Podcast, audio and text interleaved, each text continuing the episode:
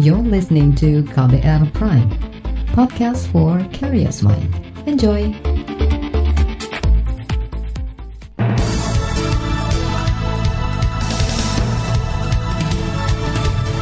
Selamat pagi saudara, selamat pagi Indonesia. Kembali saya Reski Mesanto hadir pagi hari ini di Buletin Pagi. Hari ini tanggal 20 November 2020 dan seperti biasa tim redaksi KBR telah menyiapkan sejumlah informasi untuk Anda.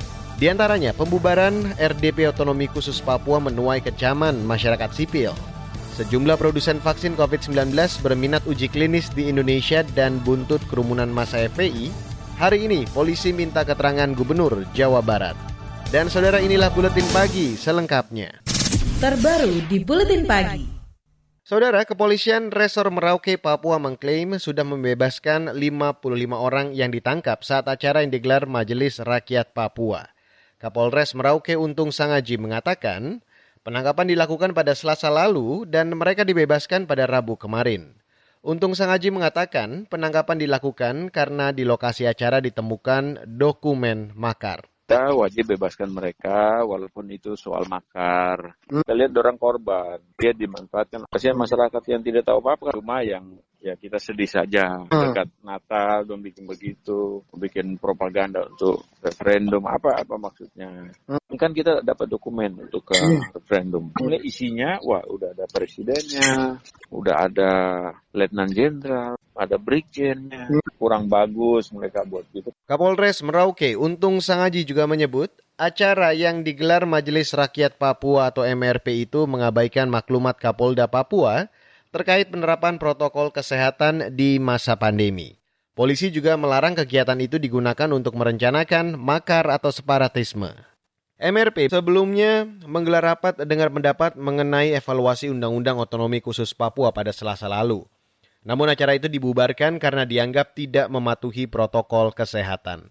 Sementara itu, Saudara Majelis Rakyat Papua atau MRP batal menggelar rapat dengar pendapat atau RDP terkait evaluasi otonomi khusus Papua. Polisi membubarkan acara itu karena diduga ada agenda tentang pembahasan referendum Papua.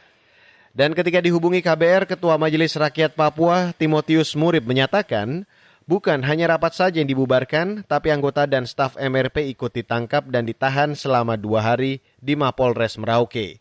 Ia menyesalkan kejadian tersebut.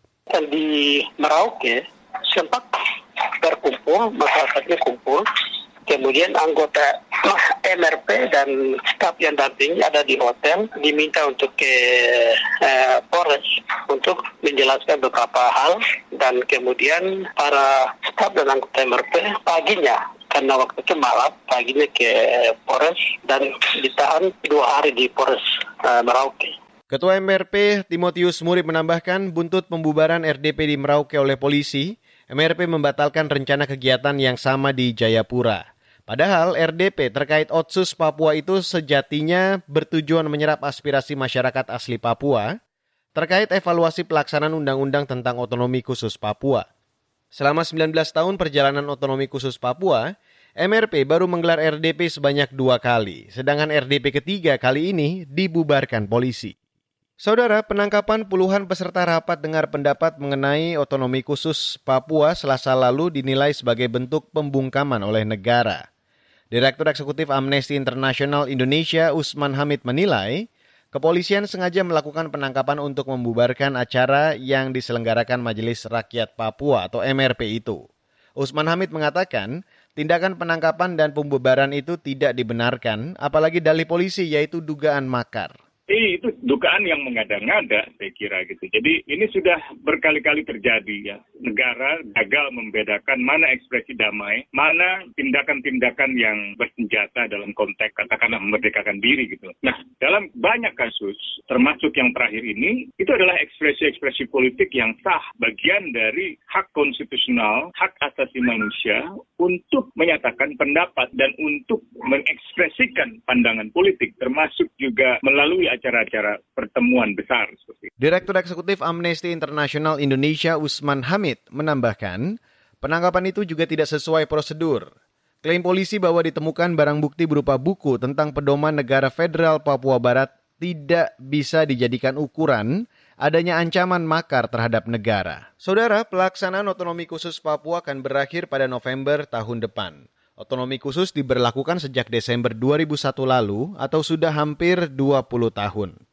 Sebelumnya, pemerintah pusat mengisyaratkan otonomi khusus Papua akan diperpanjang 20 tahun lagi hingga 2042. Dan isyarat itu pernah disampaikan Presiden Joko Widodo, Menko Polhukam Mahfud MD dan yang terakhir oleh Mendagri Tito Karnavian. Juli lalu mereka berkunjung ke Timika. Pemerintah juga menjanjikan menaikkan dana otonomi khusus Papua dari 2 persen menjadi 2,25 persen dari dana alokasi umum pada APBN. Meski begitu, tidak semua elemen masyarakat Papua mendukung perpanjangan otsus. Alasannya, otonomi khusus jilid 2 dirancang sepihak oleh Jakarta, serta karena otonomi khusus saat ini yang dianggap gagal, belum lagi masih banyak kasus pelanggaran hak asasi manusia di Papua yang tidak kunjung diselesaikan. Saudara, produsen vaksin COVID-19 asal Amerika Serikat, Inggris, dan Rusia berminat melakukan uji klinis di Indonesia. Informasi selengkapnya akan kami hadirkan sesaat lagi di Buletin Pagi KBR. You're listening to KBR Pride, podcast for curious mind. Enjoy!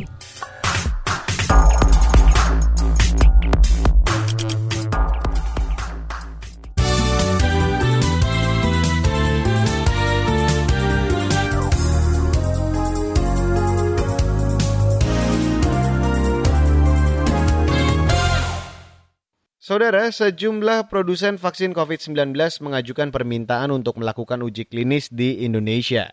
Kepala Badan Pengawas Obat dan Makanan atau BPOM, Penny Lukito mengatakan, siap menindaklanjuti permintaan produsen vaksin tersebut asalkan sudah dikoordinasikan lebih dulu dengan pihak terkait lainnya. Saya kira sudah ada beberapa ya vaksin yang sudah mulai berkomunikasi dengan Badan POM untuk membicarakan dikaitkan satu akan melakukan uji klinik di Indonesia juga ada beberapa ya vaksin Moderna belum ya tidak mas Moderna belum tapi Pfizer AstraZeneca Sputnik juga sudah dan saya kira juga nanti mereka akan mencari mitra industri farmasinya yang ada di sini.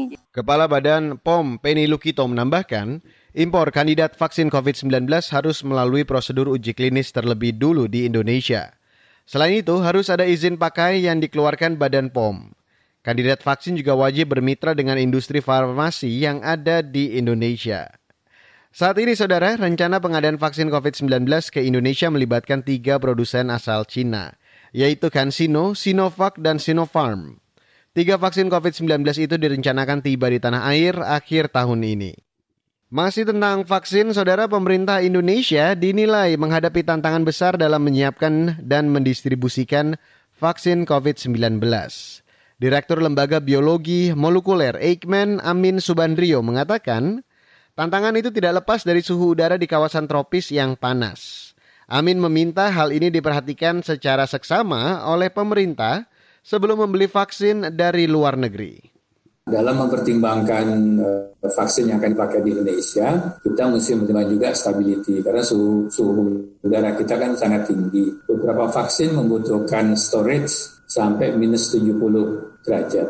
Jadi bagaimana caranya kita bisa membawa uh, freezer minus 70 kalau kita harus membawa vaksin itu ke daerah-daerah terpencil. Direktur Lembaga Biologi Molekuler Eijkman Amin Subandrio memperkirakan untuk di kota-kota besar, penggunaan vaksin COVID-19 yang harus disimpan pada suhu minus 70 derajat Celcius masih mungkin untuk dilakukan.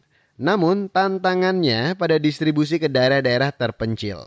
Pemerintah berencana melakukan vaksinasi COVID-19 pada awal tahun depan, dan saat ini total kasus penularan virus corona mencapai 470-an ribu orang. Kita beralih ke berita ekonomi, Saudara. Kementerian Keuangan memperkirakan ada kemungkinan target penerimaan pajak tahun ini tidak tercapai. Berdasarkan Peraturan Presiden 72 tahun 2020, target penerimaan pajak tahun ini sekitar 1.200 triliun rupiah.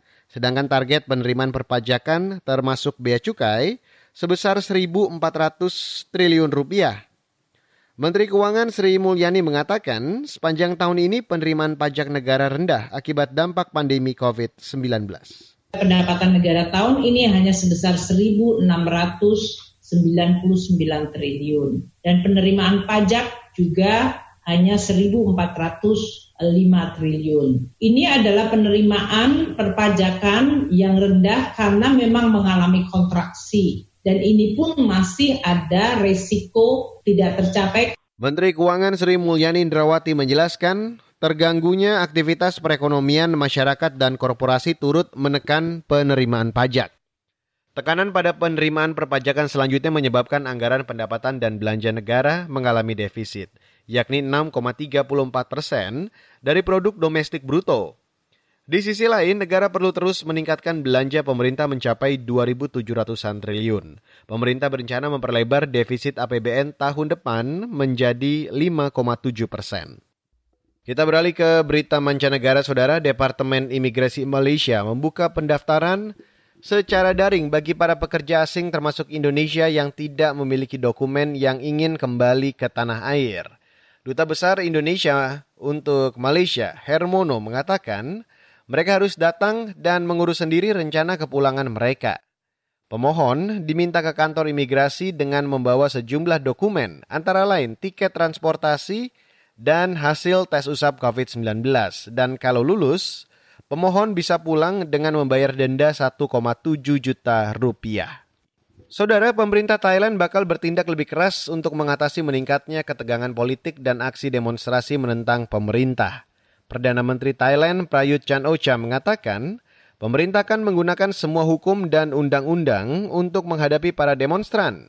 Saat ini, aksi menentang pemerintah, terutama dari kelompok anak muda terus meningkat. Mereka menuntut Prayut Chan Ocha mundur dari jabatan Perdana Menteri dan menuntut reformasi kekuasaan kerajaan. Kita ke berita olahraga, Saudara. Menteri Pemuda dan Olahraga Zainuddin Amali kemarin menyerahkan SK penetapan tuan rumah Pekan Olahraga Nasional atau PON 2024 kepada Sumatera Utara dan Aceh. Sekretaris Daerah Sumatera Utara R. Sabrina mengatakan sangat mengapresiasi keluarnya SK tuan rumah PON tersebut. Ia juga mengatakan Sumatera Utara sedang mempersiapkan lahan seluas 300 hektar untuk lokasi pembangunan pusat olahraga dan pertandingan PON 2024. Saudara, laporan khas KBR bertajuk menyoal kelanjutan kasus-kasus hukum Rizik Sihab. Akan kami hadirkan sesaat lagi. Tetaplah bersama kami di Buletin Pagi. You're listening to KBR Pride, podcast for curious mind. Enjoy!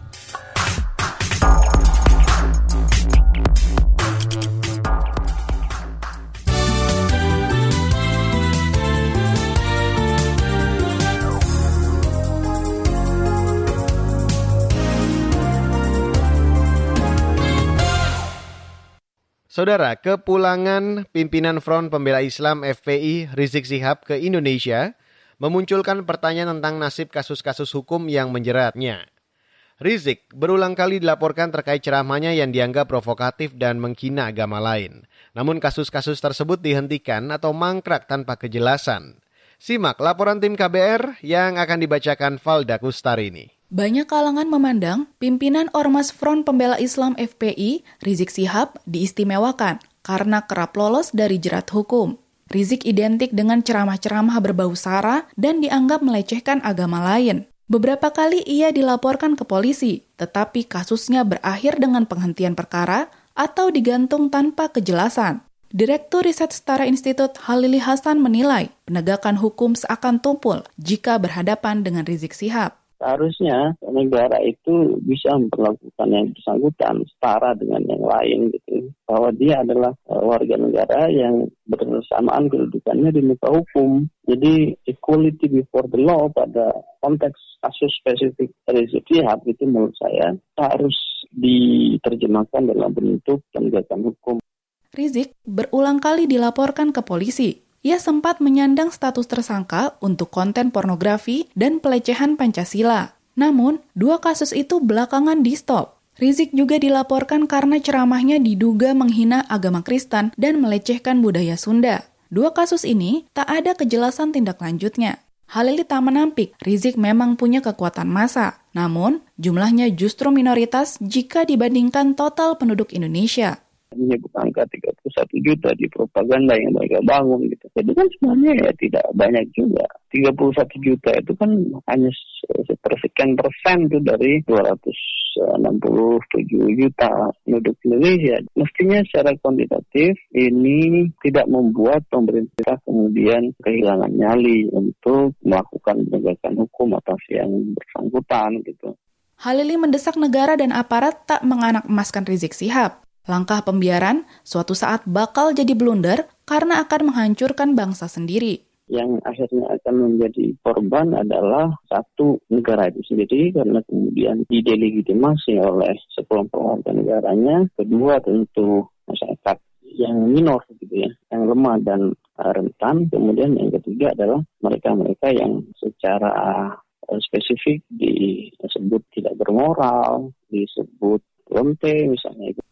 Pendapat agak berbeda dilontarkan peneliti Saiful Mujani Research and Consulting SMRC, Saidiman Ahmad. Menurutnya, ceramah-ceramah Rizik merupakan bagian dari kebebasan berekspresi. Rizik baru bisa diperkarakan ketika sudah masuk ke ranah tindakan. Itu tidak bisa diperkarakan, itu bagian dari kebebasan berekspresi. Bahwa pandangan atau tindakan atau kata-kata itu misalnya tidak sopan itu lain hal. Ya itu tidak sopan aja. Tapi yang harus ditindak itu adalah kalau ia bentuknya ancaman atau teror atau misalnya secara langsung turun ke jalan namanya menutup rumah ibadah orang.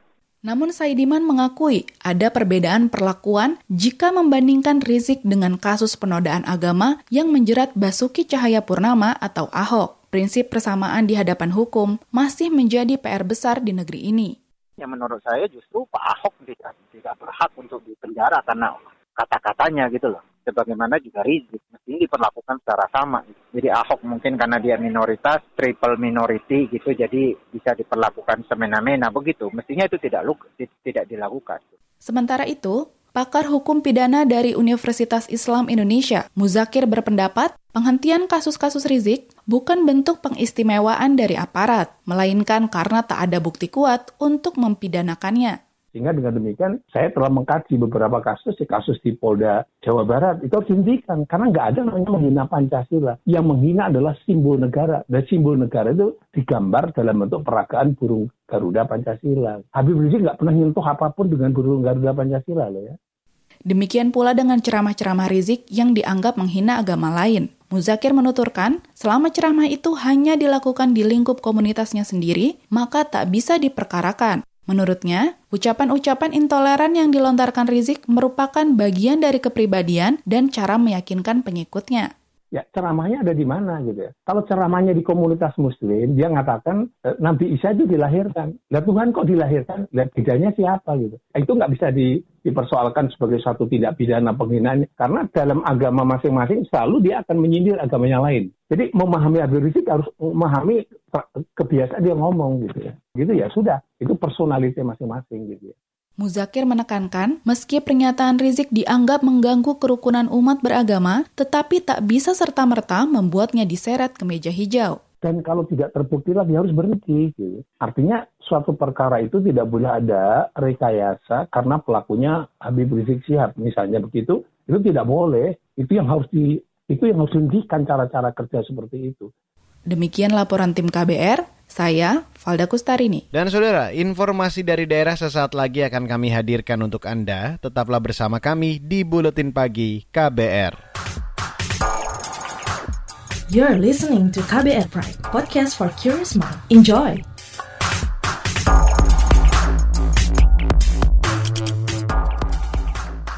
Commercial break. Commercial break. Commercial break. Anggota komunitas Be Home, Laras, memberi semangat kepada teman-teman Broken Home untuk berprestasi kalian tidak sendiri dan keluarga yang patah bukan berarti menghancurkan hidup kalian semua. Buktikanlah bahwa anak broken home itu juga berprestasi dan bisa berkembang sebagaimana layaknya anak-anak di luar sana karena untuk menjadi anak yang berprestasi atau sebagai anak yang dicap nakal itu tidak hanya dari anak broken home, anak dari keluarga yang utuh bahkan dalam keluarga yang utuh namun di dalamnya banyak konflik pun itu bisa menyebabkan nakalan remaja lah istilahnya. Simak obrolan selengkapnya dalam podcast Disko, diskusi psikologi dalam episode Ketika Rumah Bukan Tempat Ramah di kbrprime.id dan platform mendengar podcast lainnya.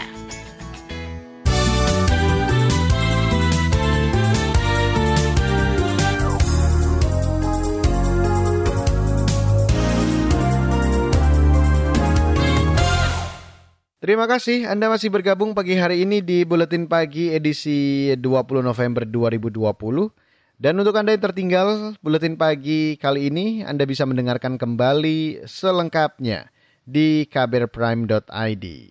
Saudara, kita ke Jawa Tengah, belasan lembaga bantuan hukum atau LBH dari berbagai daerah memberi dukungan kepada seorang mahasiswa Universitas Negeri Semarang yang diskors dari kampus Mahasiswa itu, Franz Napitu, diskor selama setengah tahun karena mengadukan rektornya ke Komisi Pemberantasan Korupsi atau KPK atas dugaan melakukan korupsi.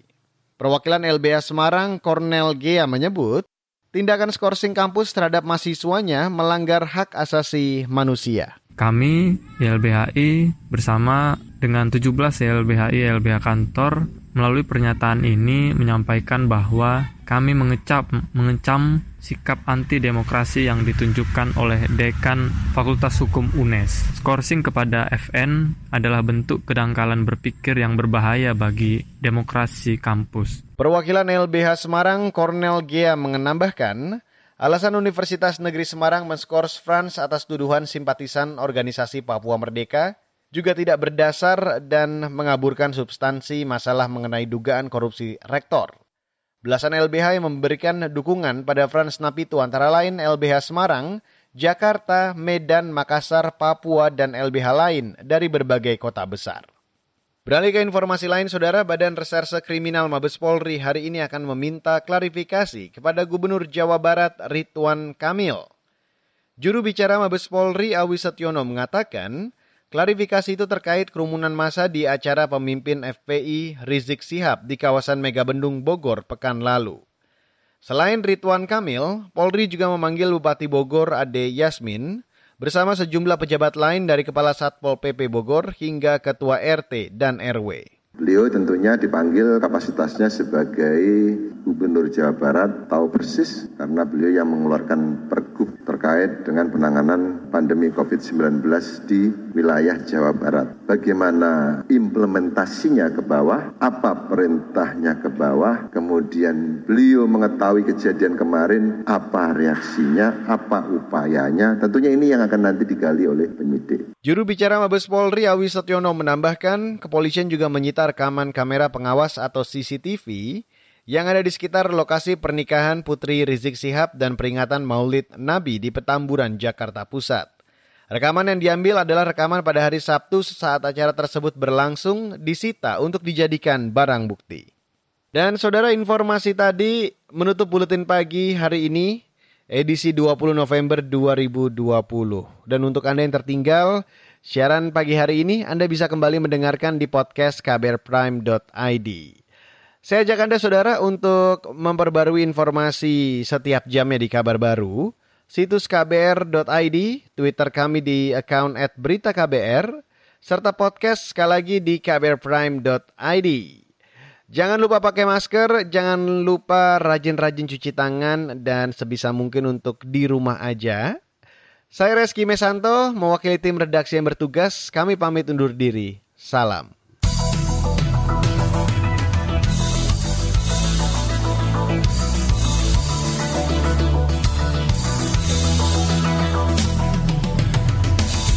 KBR Prime, cara asik mendengar berita.